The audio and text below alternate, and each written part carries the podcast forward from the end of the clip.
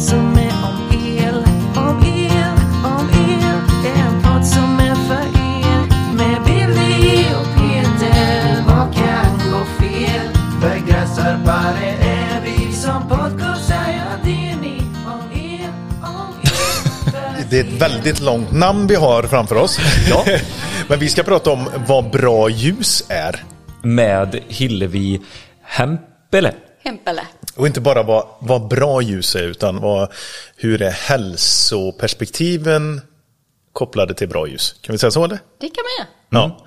Du har, och så har du en väldigt eh, bra titel också. Ja, Så du jättegärna får dra själv.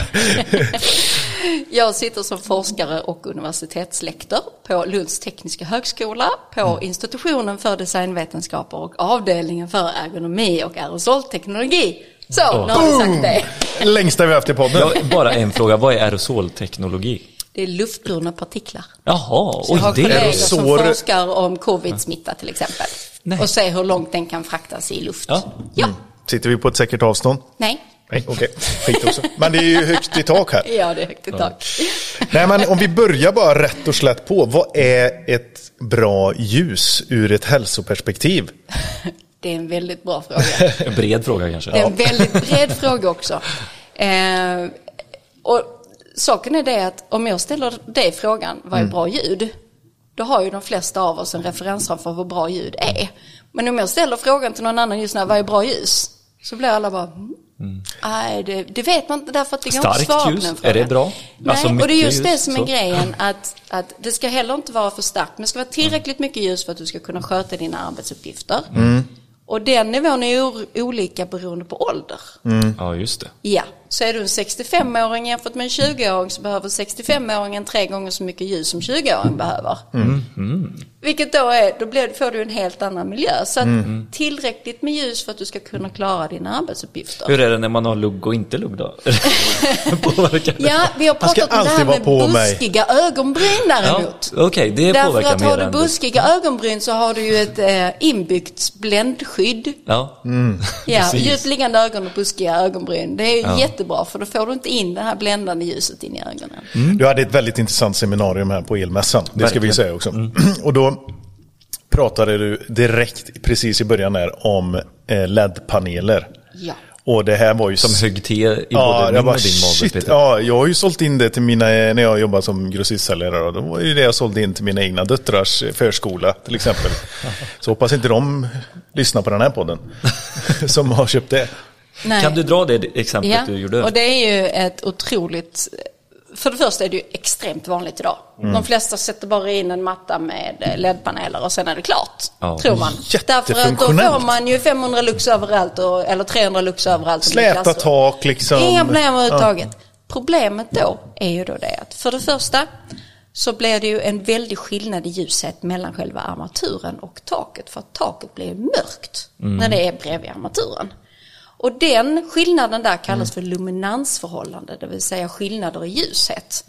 Och när det luminansförhållandet blir för högt, det vill säga mer än 5 till 1 och absolut mer än Fem 20 till 1. till ett, Så att, 20 till att armaturen är fem gånger ljusare än vad taket är. Jag bara Och då blir det bländande. Och kollar man upp här då, som vi ser i rummet där vi sitter i nu, det är jättevanligt att du ligger på typ 50 till 1 i förhållande mellan armatur och tak. Ja. Därför att taket blir så jättemörkt i förhållande till armaturen. Därför att du har inget indirekt ljus Nej. från en LED-panel. Och det är det som ställer till det. Och då får vi då den här jättehöga luminansförhållanden på mer än 1 till 20.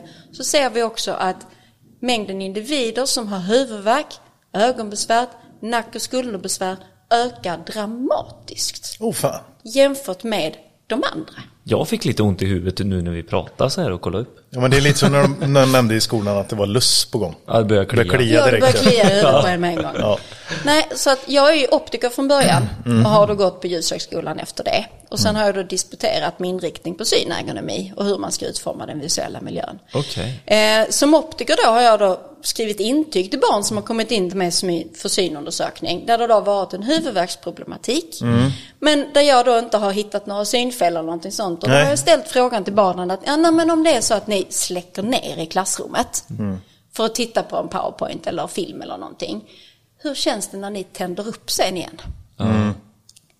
Och de flesta av de här barnen då som kommer in till mig med, med den här huvudvärken säger att det är fruktansvärt. Det är så jobbigt när de tänder igen efter att det har varit släckt. Och då i det fallet så har jag skrivit ett intyg till de här barnen som de får visa upp för läraren att det är okej att de har keps på sig i två veckor i skolan.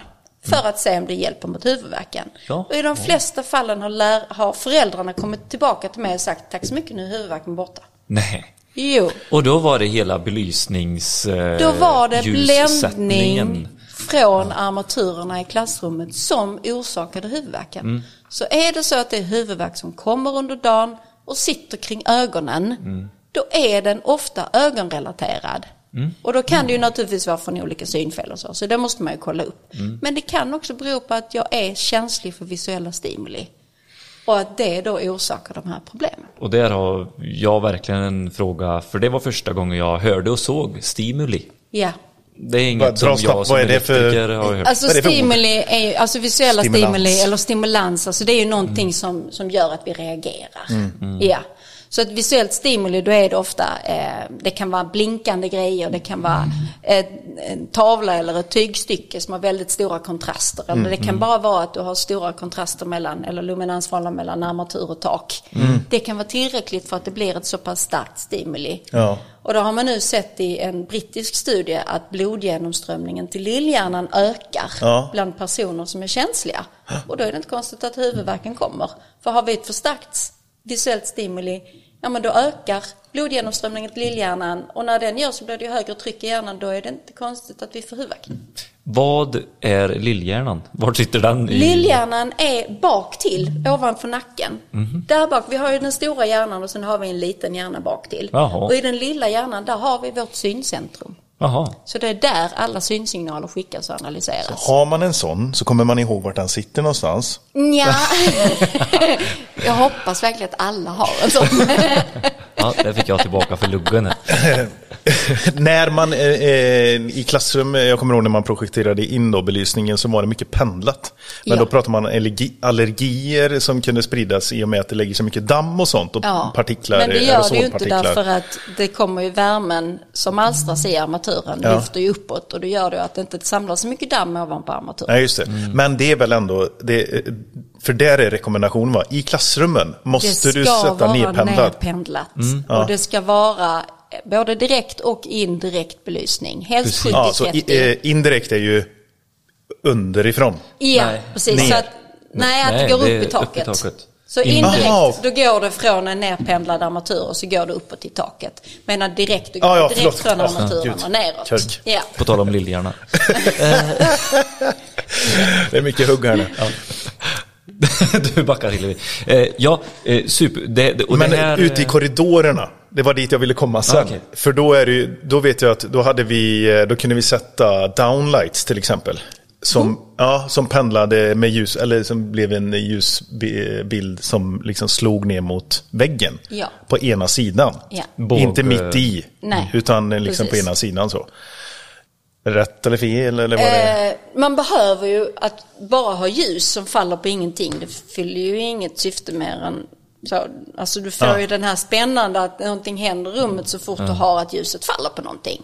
Så det är en av ljusdesignreglerna liksom att Ja. ja. men det måste ju falla på någonting för att du ska få upplevelsen Golvet. på rummet. Lyser upp skiten.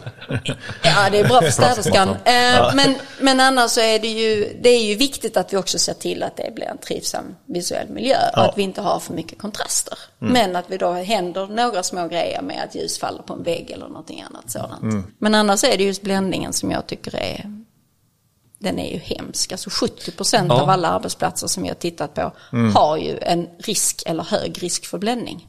Och det, det, jag pratade ju med dig tidigare här och Ja. jag sa ju det, det är ju någonting som vi snackar i UGR-värde i våran Ja. värld. Precis. Eh, att vi ska ha UGR 90 på, när det är kontorsarmaturer. Ja, Eh, och så vidare. precis.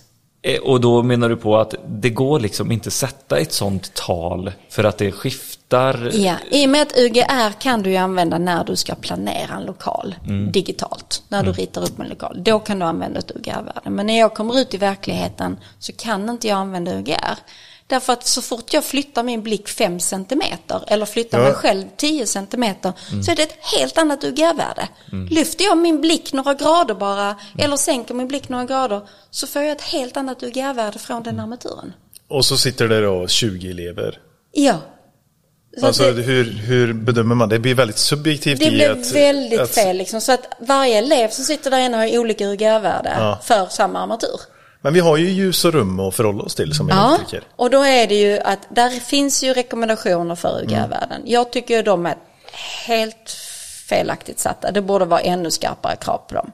För de som inte vet vad ljus och det? rum Ja, är, det så tycker jag faktiskt. är det färgtemperatur, eh, lux och UGR som nämns eh, egentligen i, Mhm. i Ja. ljus och. Och nu i den senaste uppdaterade så är det också belysningsstyrka tak och vägg och inte bara på arbetsyta. Ja, ah, okej, så indirekt och direkt ljus tas Ja, upp.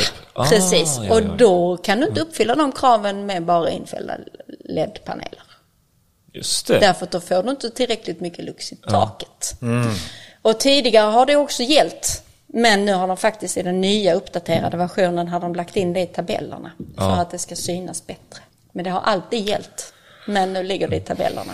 Superbra för jag hade, det, det var min nästa fråga så här. Eh, Okej, du säger att, eh, vad sa du, hur många procent var det som hade felaktigt? Eh, 70 procent 70 procent när du kommer ut på plats. när man kommer ut på plats. Vad är då lösningen?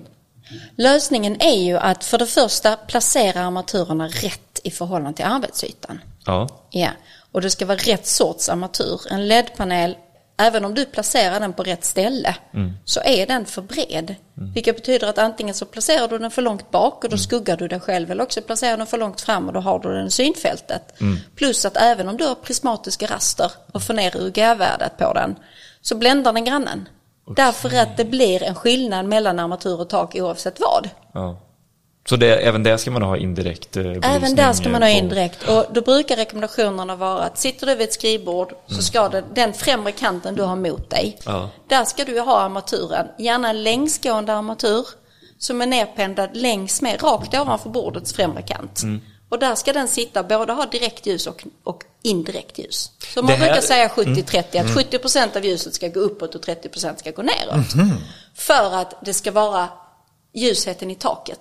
Och Som- sen har du den. Och har du då en för bred strålande nedåtgående ljuskägla, om du t- tänker på ljusfördelningskurvan, om den är för bred så träffar det ju skärmen.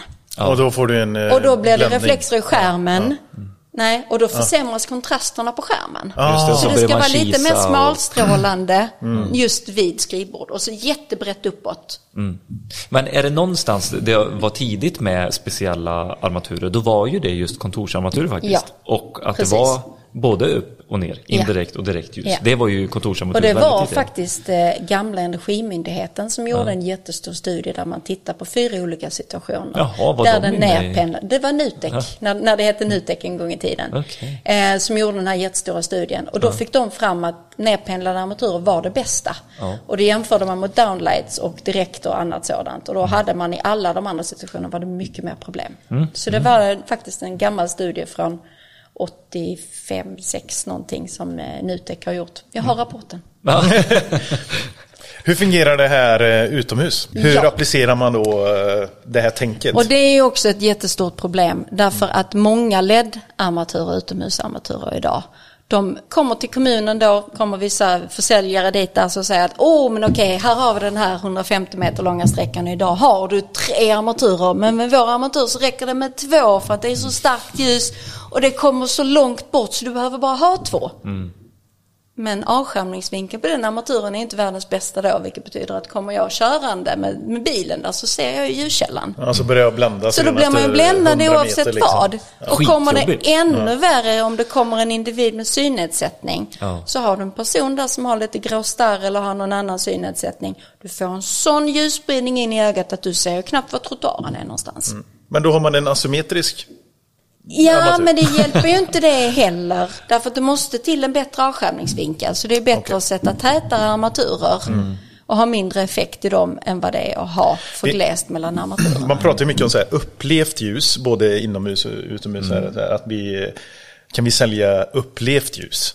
Ja. Alltså, Men det har ju typ så här trygghetskänsla och lite sånt. Ja, exakt. den, den biten mer Ja. än eh, vis, den jag visuella ser ett ljus där funktionen, borta. va? Ja, Eller att... precis. Eh, eh, nu tappar jag det lite men eh, det, det kopplar ju lite eh, ifrån det. Vi får nästan, då får man ju nästan sluta prata om just det upplevda ljuset mer att prata om ett hälsosamt ljus. Ja. Men det säljer ju bättre.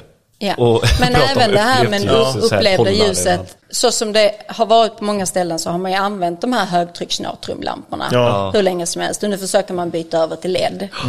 Och ur ett perspektiv, liksom när man då tänker på vi som människor, vi ser ju bättre.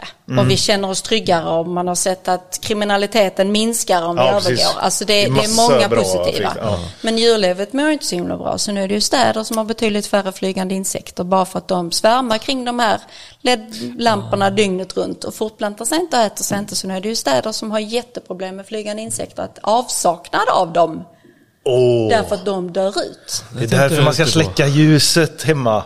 Ja, så att det är ju jätteviktigt faktiskt att man då har att det dimras riktigt varmt och att man tar bort det blåa ljuset när man dimrar ner utomhusbelysning. Ja. eh, Och det tycker jag blir mer och mer, eh, Det att blir det mer och mer att det faktiskt rörelse, dimras, att det ja. blir rörelsestyrt på det sättet. Och då är det ju jättebra. Men det är ett problem att övergå till LED som man inte har tänkt på tidigare. På tal om det, den biologiska mångfalden. Ja. Det finns ju även för oss eh, människor. Någon, Ja. Det är vi också eh, en biologi, höll jag på att säga. Skitsamma. eh, eh, det här med eh, färgtemperatur under dygnet.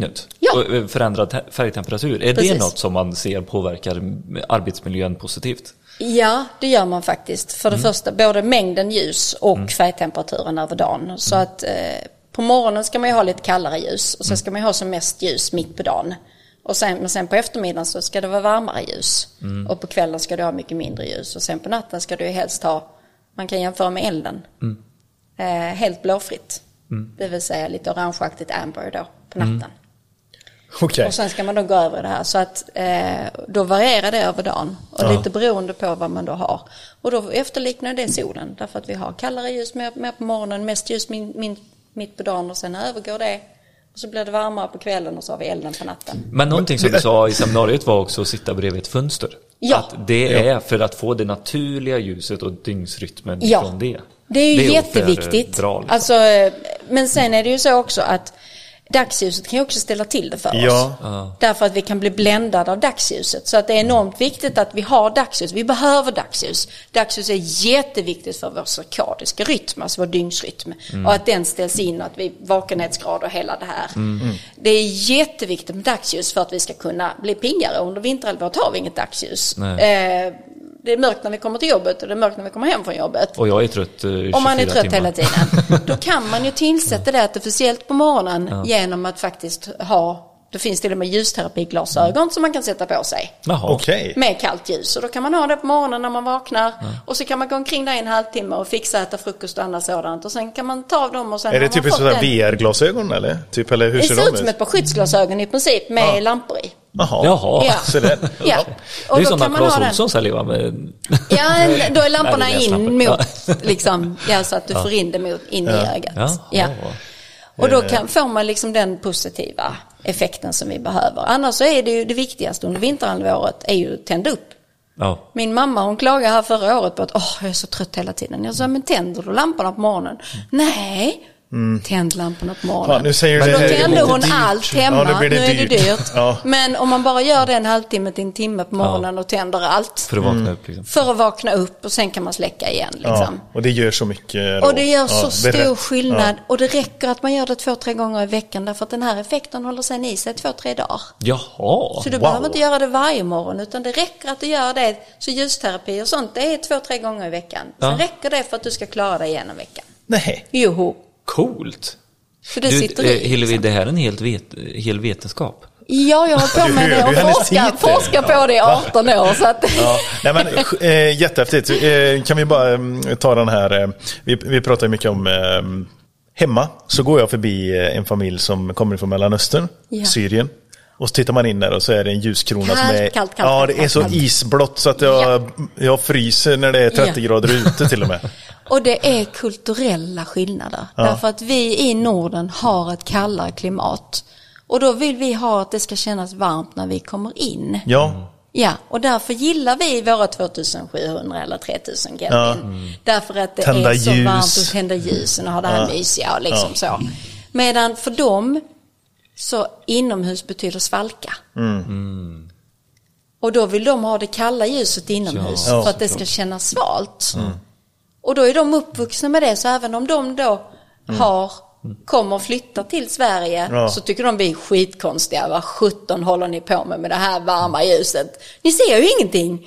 Medan, medan vi då tycker att, nej men åh det är för starkt. Ja. Och sen så är det också skillnader. Eh, I alla fall så, det finns ingen jättestor vetenskap, men det verkar som att blåögda och gråögda individer är mer ljuskänsliga ja. Än vad andra är. Så kommer du då är brunögd så fattar du ju inte jättemycket om vad vi håller på Alltså, Nej. det låter ju Nej. väldigt rimligt också. Jag menar Afrika, där är ju många brunögda. Ja. Sol, gassande sol. Solgassande. Här, inte lika mycket Inte sol. lika mycket alltså, sol. Det, Alltså jag ser när, de går ju upp med ögonen hela tiden. Vem? I Afrika. Tar in sol. Nej. Du har inte varit i Afrika. Nej, jag ser på tvn. Nej, men, ehm, men, jo, men jag tänkte just det här med också att ehm, det är ganska vanligt med ja, siesta i Spanien till exempel. Mm. Då, eller så här, man vilar på dagen när det är som varmast och så tar man igen arbetstiden Ja. sen på, på kvällen. På kvällen, så ja. deras dygnsrytm är ju något helt annat än vad vi har. Den vi jobbar ju 7 annorlunda. till 4 här och Precis. så går vi hem och sen Men det, ska vara de har fortfarande samma dygnsrytm. Okej. Det är bara det att de tar eftermiddagsluren. Och vi har alltid en eftermiddagsdipp på eftermiddagen. När vår melatoninhalt går ner lite snabbare innan Ja. kortisolet. Liksom, Precis. de möts där på eftermiddagen. Ja, och innan den det går upp och den, förut. ja, Så blir det just att man får en sån här dippa. Och då är det absolut bästa är att ta en siesta. Det är så. Ja. Ja, nej men då får vi avsluta podden här. Gå och lägga sig och sova. Vill du skicka med elektrikerna någonting? Vi är inte färdiga. Vi pratar ju om flimmer. Ja, för fasen. Bra. Eh, det är ju någonting som eh, är svårt att se med ögat ibland också till och med. Ja. Och ibland ser man det jättetydligt. Ja. De gånger man ser det, det är när man filmar med Ja. sin mobil typ. Precis. Speciellt när du filmar slow motion. Ja. Ja, då blir det ännu Ja, värre. Jättemycket. Ja, då blinkar det så mycket som man tror man har varit någon annanstans. Ja. Men eh, det här, hur påverkar det liksom också hela Det är ju ett jätteproblem tyvärr. Mm. Därför att 20-40% av oss är mer känsliga för Mm. just som vi sa visuella stimuli. Som då, där flimmer ingår. Okej. Ja. Så 20%, 20-40% av oss är då mer känsliga och det är nästan hälften av oss liksom. Är, som Mm. är det mer att man känsliga. uppfattar det mer? Eller är det bara att man är mer du känslig? har en, alltså om man tänker sig att du har en tröskel Mm. där du har din individuella tröskel för vad din känslighet är, vad din känslighet inte är liksom. Och den tröskeln är liksom längre upp i frekvenserna för de som är känsliga för flimmer. Mm. Så att om vi då pratar om en, eh, här pratar vi om frekvenser, hur ofta tänds en ljuskälla per sekund liksom. Jajamän. Ja. Och den hertzen, den frekvensen som kommer där då, att är du känslig så kanske du ligger uppemot en 70-80 hertz per sekund när vi mäter. Och då finns det någonting som heter critical flicker frequency, CFF. Och när man mäter CFF så är det din individuella tröskel. Och då är det ofta så att, liksom att 70-80 där någonstans, hamnar du där uppe då är du känslig. Medan en del ligger nere på 20-30 liksom. Du ser ingenting, det spelar ingen roll hur långt ner man tar det liksom. För du Det- märker det inte av överhuvudtaget. Ja. Ja, jag hade också jättegärna velat vara där. Tyvärr ligger jag där på 70-80 Jaha, aj. eh, och är jättekänslig. Eh, så att vi gjorde en flimmerstudie för ett tag sedan i vårt ljuslabb på Mm. LTH. Och det visade sig då att eh, jag kunde inte vistas i det. Så jag var tvungen att anställa en kille som inte var flimmerkänslig. Oj. Därför att jag, jag fick ju migrän efter en halvtimme. Ja. Eh, Så att huvudvärk och migrän, eh, ögonbesvär och, och prestationssvårigheter. Alltså du presterar inte lika bra. Du kan tappa koncentrationsförmågan. Eh, autistiska barn Ja, reagerar jag väldigt negativt. Ja. Med mycket svårare att få kontakt, mycket svårare att ha fokus och så vidare. Och den ADHD. första studien som gjordes på detta eh, gjordes 79 Mm. med autistiska barn. Alltså det här är inget nytt. Nej. Men det finns inte ute i medvetenheten inom vården till exempel. Har man ingen kunskap om detta. Och vi tror ju att, jag har haft kontakt med en ADHD-forskare och han säger då att 70% av alla, alla eh, barn som har ADHD-diagnos är prematura. Och många av de som är prematura har fått ligga i sollampor och sola. Det visar sig att sollamporna flimrar För tidigt födda. för tidigt födda barn som då ligger där i flimrande sollampor. Nu är det ju så att ADHD och autistiska är genetiska sjukdomar. Ja, eller tillstånd. Och då är det ju liksom så att vi tror ju inte att det orsakar det, men det kanske påverkar svårighetsgraden av det. Det här har jag hört faktiskt. Nej. Ja. Jo, men just det här med för tidigt födda, att Ja. det var... Att där är, där är någon koppling där. Ja, och då kan det mycket väl vara så. Därför att eh, för tidigt födda barn, deras ögon är ju inte, klarar inte av normalt ljus. Nej. Så då släcker du ner jättemycket inne på salen. Mm. Men sen ska de ju fortfarande ligga och sollampa i sol, sola i Mm. precis. Och då är det sollampor. flimmer. Och då, de flesta Ja, av dem flimrar. mycket ljus också. Och så jättemycket kallt ljus. Och deras ögon är ju inte mogna för det. Nej. Så att där är väldigt mycket, jag har själv två prematura barn, bägge två Ja. har fått sola och vi har ADHD i familjen så liksom. Och eh, äldsta sonen har en ADHD-diagnos, Ja. den yngsta är väl på väg nu kanske, vi får väl se. Ja. Ja. Och Så att det är jättestora problem med flimmer. Ja, och jag Enormt skulle stora säga det, med det här eh, autism och ADHD och barn och sånt. Ja. Så det jag sa förut, det kanske kan kännas lite mindre viktigt då. Men det som jag sa med arbetsbelysning, just Ja. när vi har stora projekt som fortgår i ett, två, Två tre, ja. fem, tio år och lite sådär. Och så har vi de här bygglamporna som är tillfälliga hela tiden. Alltså Precis. inte så kanske jättebra, Nej. Det billiga. Det sådär. påverkas ju av dem varje Man dag. påverkas av dem. Ja, man måste ju göra det något Ja, enormt. ja. Och även prestationen alltså Prestationen och arbets- koncentrationsförmågan. Så det kan ju göra att du lättare tappar tråden liksom i det Ja. du håller på med. Så då tar det ju mycket längre tid för dig att bli färdig med det du ska göra. Ja, och eh, då har jag en fråga. Vi elektriker, vi har ju pannlampor. Ja. Vi gillar det väldigt mycket. Ja. Är det positivt eller negativt? Ska man använda sin lampa mer eller mindre? Sån pannlampa? Både och. Okej. Det här trevliga forskningssvaret eller politiska korrekta svaret eller vad man nu säger. Men det positiva med en pannlampa Ja. är att den drivs med batteri. Den pulseras inte för du har ju direkt, du har likström in. Ja, Så den flimrar ju inte. precis. Ja. Det negativa är att du har en ytterligare en börda på huvudet. Ja, just det. Vikt på huvudet. Men oftast har vi gör att- bygghjälmar, det har vi ändå. Och så är ju pannlampan Jo, på. fast du Ja, har men hur mycket det- väger den extra jämfört med bygghjälmen då? Oj, jag har ingen aning. Gram. Nej. Eller alltså, Ja, det beror så helt och hållet på hur, hur tunga de är. Ja, Ja. hur den är belastad. Och hur den är belastad. Därför att... eh, Men du har ingen bländning, så jag tänker, när du, för du står ju ganska nära väggen då, eller vart du är någonstans, så bländnings... Det är tillbaka ljuset. Ja, Är jo det men en- det är blir det en det ju påverkan eller är det en naturligtvis. Det, påverkar ju. Alltså Ja. jag har ju hållit på att ta, tagit fram belysningsrekommendationer för öppen kirurgi i operationsrum till exempel. oj, Ja. coolt. Eh, så där har ju vi jobbat, då har de ju i operationslampan så är det ju 100 000 lux. Det är lika mycket du får utomhus och så har du generella allmänbelysningen på 1000 lux i rummet. det är inte konstigt att, och då säger de att ja men operationssköterskan hon kommer inte ihåg, hon ser inte var hon lägger instrumenten därför att hon är så bländad av ljuset i OP-lampan gud. att hon knappt ser. Hon måste komma ihåg var hon lägger Det är instrumenten. därför de glömmer saxar och sånt i ibland. Ja, det, det vet inte jag. Men naturligtvis Jo, är det det Hillevi. patientsäkerhetsrisk. eh, det är Ja. det ju. Ja. Det kan vi ju liksom inte komma Ja. ifrån. Men där är, eh, det här med, så att det här med kontrastbländning är, är ju ett problem. Ja. Men just det för blir ju så kommer det inte påverka så mycket just Så, men med jag det. tror inte att den är så Nej, pass Det är mer eh, ljusintensiv. tyngden som kan Det- bli att ja. du står med nacken. För, ja, men så. jag tänker typ om man går eh, ofta i lite mörk, ni vet vi får ju slå av Ja. spänning och så lite så halv... Då blir det lite halvdunkelt. Ja, exakt. Ja. Och det kanske är någon som är så här, ja men jag har ofta ont i huvudet och sådär. Är Ja. det någonting Då att kan det testa, mycket liksom? väl vara så Testa att ha att- pannlampa hela tiden, när du, eh, så länge du arbetar alltså. Ja. I lite så Eller också kan det vara så att pannlampan orsakar det för att de är Ja. jättekänsliga för kontrasterna. Precis. Ja, Ta bort så det kan ju vara eh, både och där. Ja. Testa istället att försöka bära med dig någon större grej som ger dig något, något Okej, annat ljus något allmänt, mer allmänt ljus än Mer just den- allmänljus. Ja. För det är ofta det som är problemet när man till exempel sitter vid sin datorskärm där hemma. Ja. Och de gamers som vi kanske har som lyssnar här, att skärmen är en lampa. Ja. Och sitter vi och bara har den tänd i ett för övrigt mörkt rum, Mm.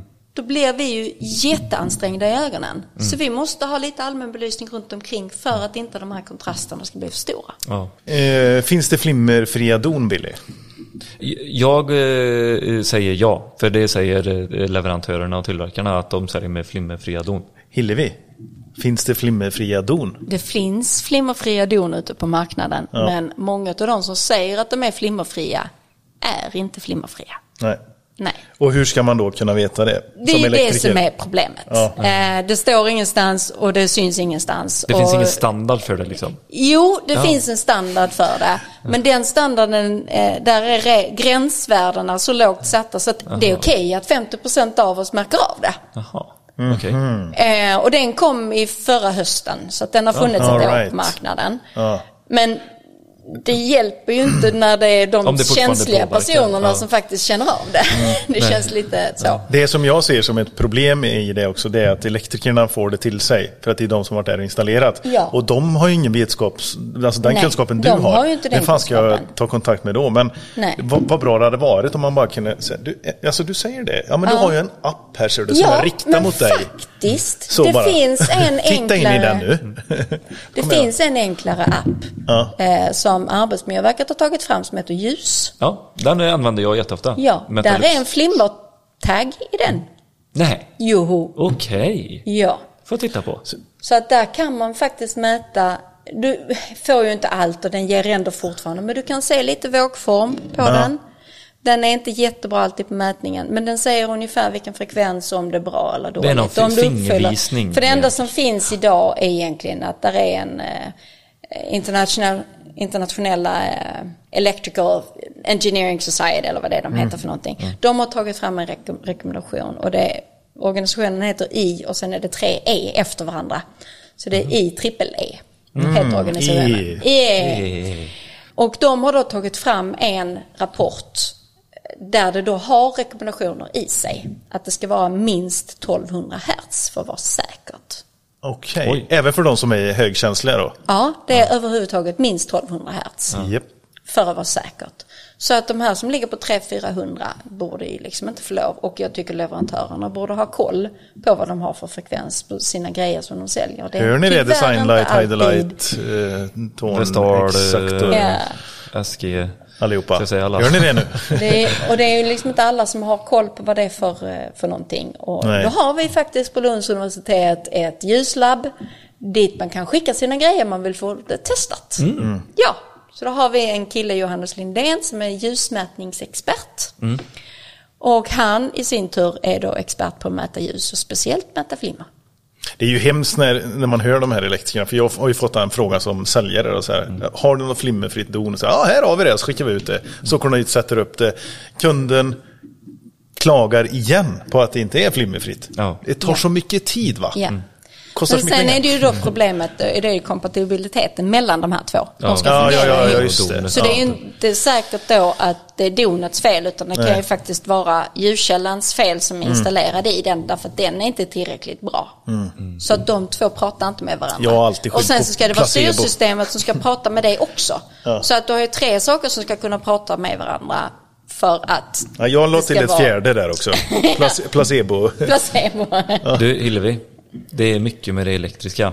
Det är mycket med det elektriska. Och det här var ett väldigt roligt samtal och Mm. ett engagerande samtalsämne runt bordet här märker jag. Jag tror vi alla tre tycker, ja du vet Ja. vi för du jobbar ju med det. Ja. Men vi tycker det är väldigt kul också med ljus Ja. och det är en viktig Jajamän, del i vår jajamän. bransch.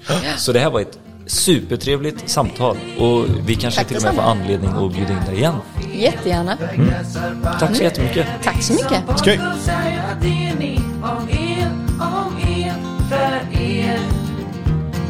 Om er, om er, för er. Om er, om er, för er.